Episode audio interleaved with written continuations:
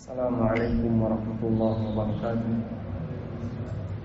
إن الحمد لله نحمده ونستعينه ونستغفره ونعوذ بالله من شرور أنفسنا وسيئات أعمالنا. من يهده الله فلا مضل له ومن يضلل فلا هادي له. وأشهد أن لا إله إلا الله وحده لا شريك له. وأشهد أن محمدا عبده ورسوله. يا أيها الذين آمنوا اتقوا الله حق تقاته ولا تموتن إلا وأنتم مسلمون. يا أيها الناس اتقوا ربكم الذي خلقكم من نفس واحدة وخلق منها زوجها وبث منهما رجالا كثيرا ونساء واتقوا الله الذي تساءلون به والأرحام إن الله كان عليكم رقيبا. يا أيها الذين آمنوا اتقوا الله وقولوا قولا سديدا. يصلح لكم أعمالكم ويغفر لكم ذنوبكم. ومن يطع الله ورسوله فقد فاز فوزا عظيما.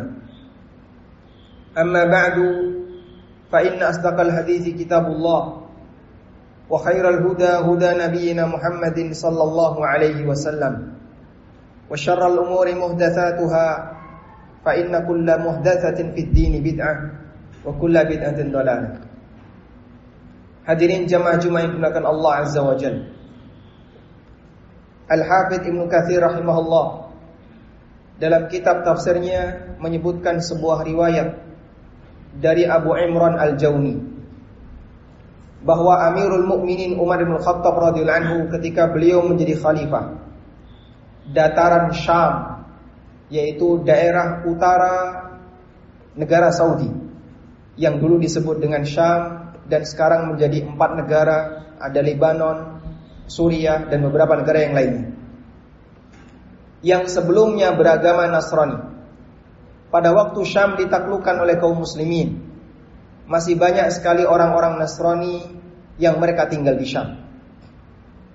Sehingga banyak di antara mereka adalah para rahib yang beribadah di dalam kuilnya.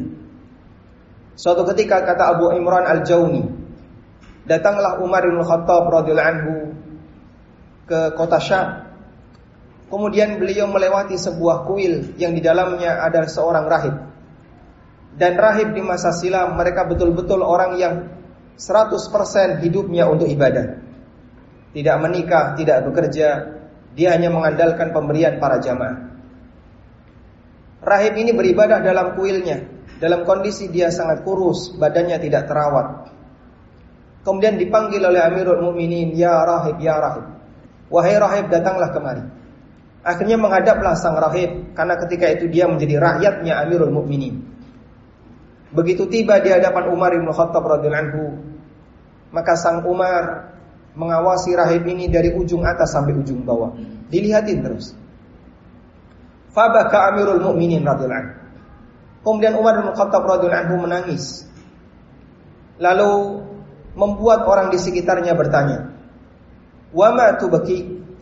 Apa yang menyebabkanmu menangis? Kemudian Umar bin Khattab mengatakan, "Dzakartu qaulallahi azza wa jalla." Aku teringat firman Allah Subhanahu wa taala, "Amilatun nasibah tasla naran hamiyah." Ada orang yang capek hidupnya, dia habiskan untuk beribadah. Sampai seperti ini kondisinya, dia kurus, kering, badannya tidak terawat. Taslana naran hamiyah, tamu saya sangat disayangkan, dia masuk ke dalam neraka. Jamaah dimakan Allah Subhanahu wa taala. Iblis bisa menggoda seorang hamba melalui jalan dia dikasih sebuah keyakinan bahwa praktek yang dia lakukan adalah kebenaran. Namun tujuannya adalah menyimpangkan manusia kepada kebatilan. Dan Allah Subhanahu wa taala ingatkan bahwa ketika iblis diusir dari surga, dendamnya kepada Adam dilampiaskan dengan cara bagaimana caranya agar Adam bisa diusir dari surga. Dan iblis paham Adam ketika dimasukkan oleh Allah ke dalam surga ada satu aturan yang Allah berikan di mana dia dilarang untuk mendekati sebuah pohon. yang pohon itu dinamai oleh iblis dengan syajaratul khuldi, pohon khuldi. Al khuldu artinya kekekalan, dinamai oleh iblis sebagai pohon kekekalan agar menipu Adam. Allah ceritakan di surat Al-A'raf di sekitar ayat 19 sampai 20 sekian.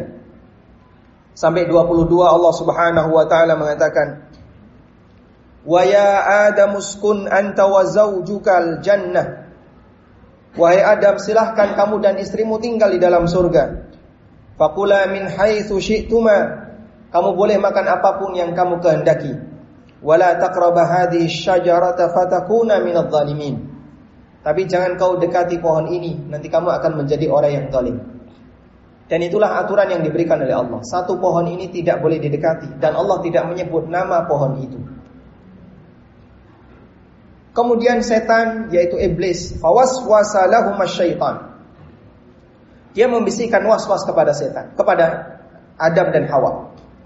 Bagaimana cara dia membisikkan padahal dia sudah diusir dari surga? Sebagian ahli tafsir mengatakan setan masuk atau iblis masuk ke dalam surga melalui ular. Kemudian ular itu masuk dalam kondisi terhina, dia ketakutan sehingga dia berusaha untuk menyelinap diam-diam. Sampai akhirnya berhasil masuk dan bisa berdialog dengan Adam. Allah biarkan keberadaan setan untuk masuk meskipun dia zat yang maha tahu. Karena sebagai bagian dari ujian untuk dua manusia pertama yang diciptakan oleh Allah Subhanahu wa taala. Waqala apa yang dikatakan oleh iblis?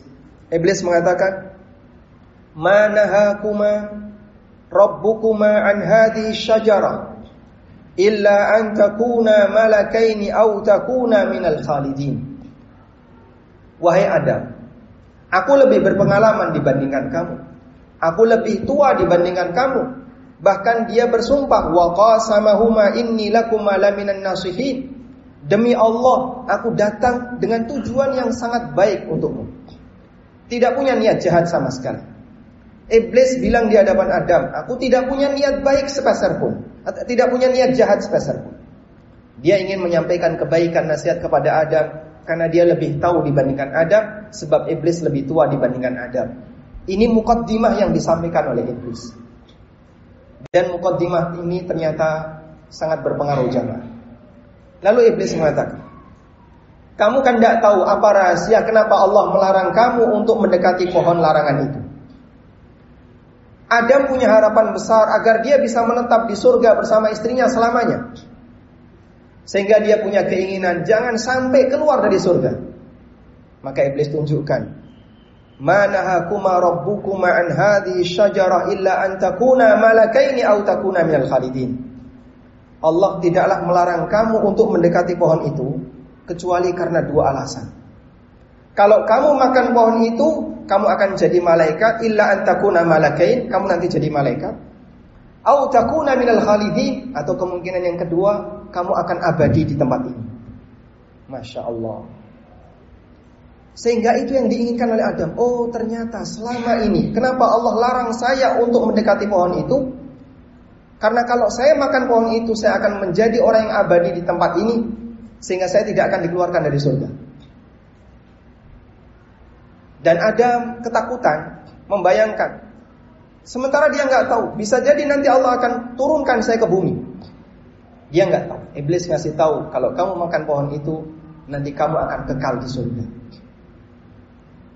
Fadallahuma bihurur. Maka iblis pun menipu dua manusia ini. Allah eh, iblis tunjukkan dengan cara menipu. Falamma dzaqa syajara badat lahuma sawatuhuma wa taqiqa yakhsifani alaihima min waraqil jannah.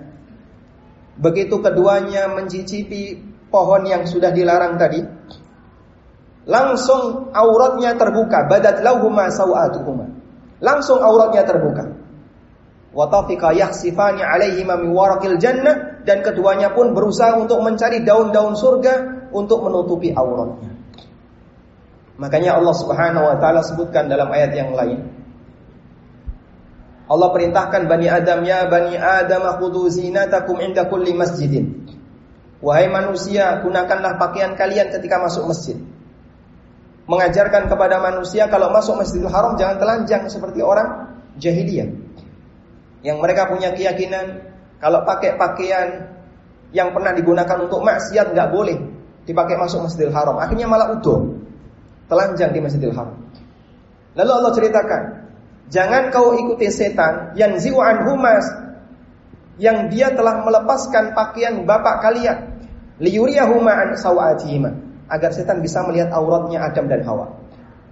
Sehingga orang yang selalu meneriakkan bagi para wanita buka aurat buka aurat hakikatnya dia adalah corongnya iblis. Karena iblis kata Allah dalam Al-Qur'an salah satu di antara tujuan dia berusaha untuk menggoda Adam adalah untuk bisa melihat auratnya Adam dan auratnya Hawa. Jamaah dimakan Allah Subhanahu wa taala. Ayat ini memberikan pelajaran bagi kita bahwa musuh kita ini menggoda dengan cara seolah-olah digambarkan itu adalah sebuah kebaikan. Tapi hakikatnya itu menjerumuskan manusia ke dalam kejahatan. Dan banyak orang punya bayangan seperti itu. Sehingga Terkadang orang melakukan perbuatan kesyirikan tapi dalam keyakinannya saya sedang beribadah kepada Ar-Rahman. Padahal dia sedang melakukan perbuatan yang menyebabkan Islamnya hilang. Kita berlindung kepada Allah Subhanahu wa taala dari semua was-was setan agar Allah Subhanahu wa taala jadikan kita selalu istiqamah di atas jalan kebenaran. Demikian sebagai khutbah yang pertama, aku lu qauli wa astaghfirullah. Alhamdulillahi wa kafa والصلاة والسلام على رسول المصطفى وعلى آله وصحبه ومواله وأشهد أن لا إله إلا الله وحده لا شريك له. وأشهد أن محمدا عبده ورسوله. يا أيها الذين آمنوا اتقوا الله حق تقاته ولا تموتن إلا وأنتم مسلمون. Hadirin jamaah Jumat yang dimuliakan Allah Subhanahu wa taala. Ibnul Jauzi pernah memberikan sebuah keterangan. Inna syaitana la yaftahu lil 'abdi tis'atan wa tis'ina baban lil khair. Sesungguhnya setan itu membukakan 99 pintu kebaikan bagi seorang hamba.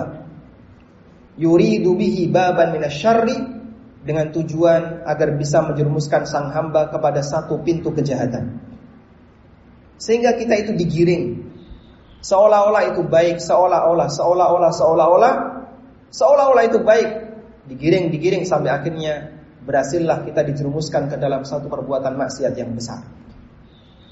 Hadirin yang berkat Allah Subhanahu wa taala. Inilah yang menjadi salah satu latar belakang setiap orang yang berbuat maksiat pasti punya alasan. Siapa pun dia. Orang yang sedang judi, kalau dia ditanya, "Kenapa kamu judi?" Dia bisa menyampaikan alasannya. Orang yang sedang berbuat zina ketika dia ditanya, dia bisa menyampaikan alasannya. Para mahasiswa yang mereka suka pacaran. Ketika ditanya, kenapa kamu melakukan seperti ini? Dia pasti punya alasan. Dan alasan itu adalah bisikan setan. Sehingga dari dulu sampai sekarang, perseteruan itu sebenarnya terus terjadi. Dan kita berperang dalam masalah alasan. Orang A punya alasan, dia melakukan perbuatan maksiat. Orang B ketika melakukan perbuatan maksiat juga punya alasan. Mereka yang komitmen dengan kebenaran punya alasan, sehingga kita punya perang alasan. Dan itulah yang disebut dengan perang pemikiran jemaah. Bersyukurlah kepada Allah ketika Allah membimbing kita untuk memiliki akidah yang lurus dan membimbing kita untuk berusaha mengikuti sunnah Nabi Sallallahu Alaihi Wasallam.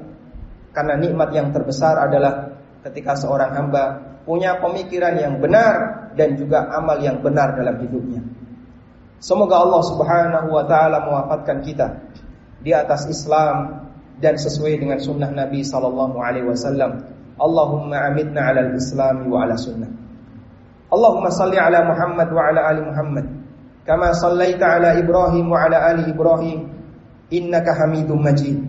Allahumma ighfir lil mu'minina wal mu'minat wal muslimina wal muslimat al-ahya'i minhum al-amwat innaka sami'un qaribun mujibu da'wat ya qadiyal hajat Rabbana ighfir lana wa li ikhwanina alladhina sabaquna bil iman wa la taj'al fi qulubina ghillan lil ladzina amanu Rabbana innaka ra'ufur rahim Allahumma inna as'aluka al-huda اللهم إنا نسألك الهدى والتقى والعفاف والغنى ربنا آتنا في الدنيا حسنة وفي الآخرة حسنة وقنا عذاب النار.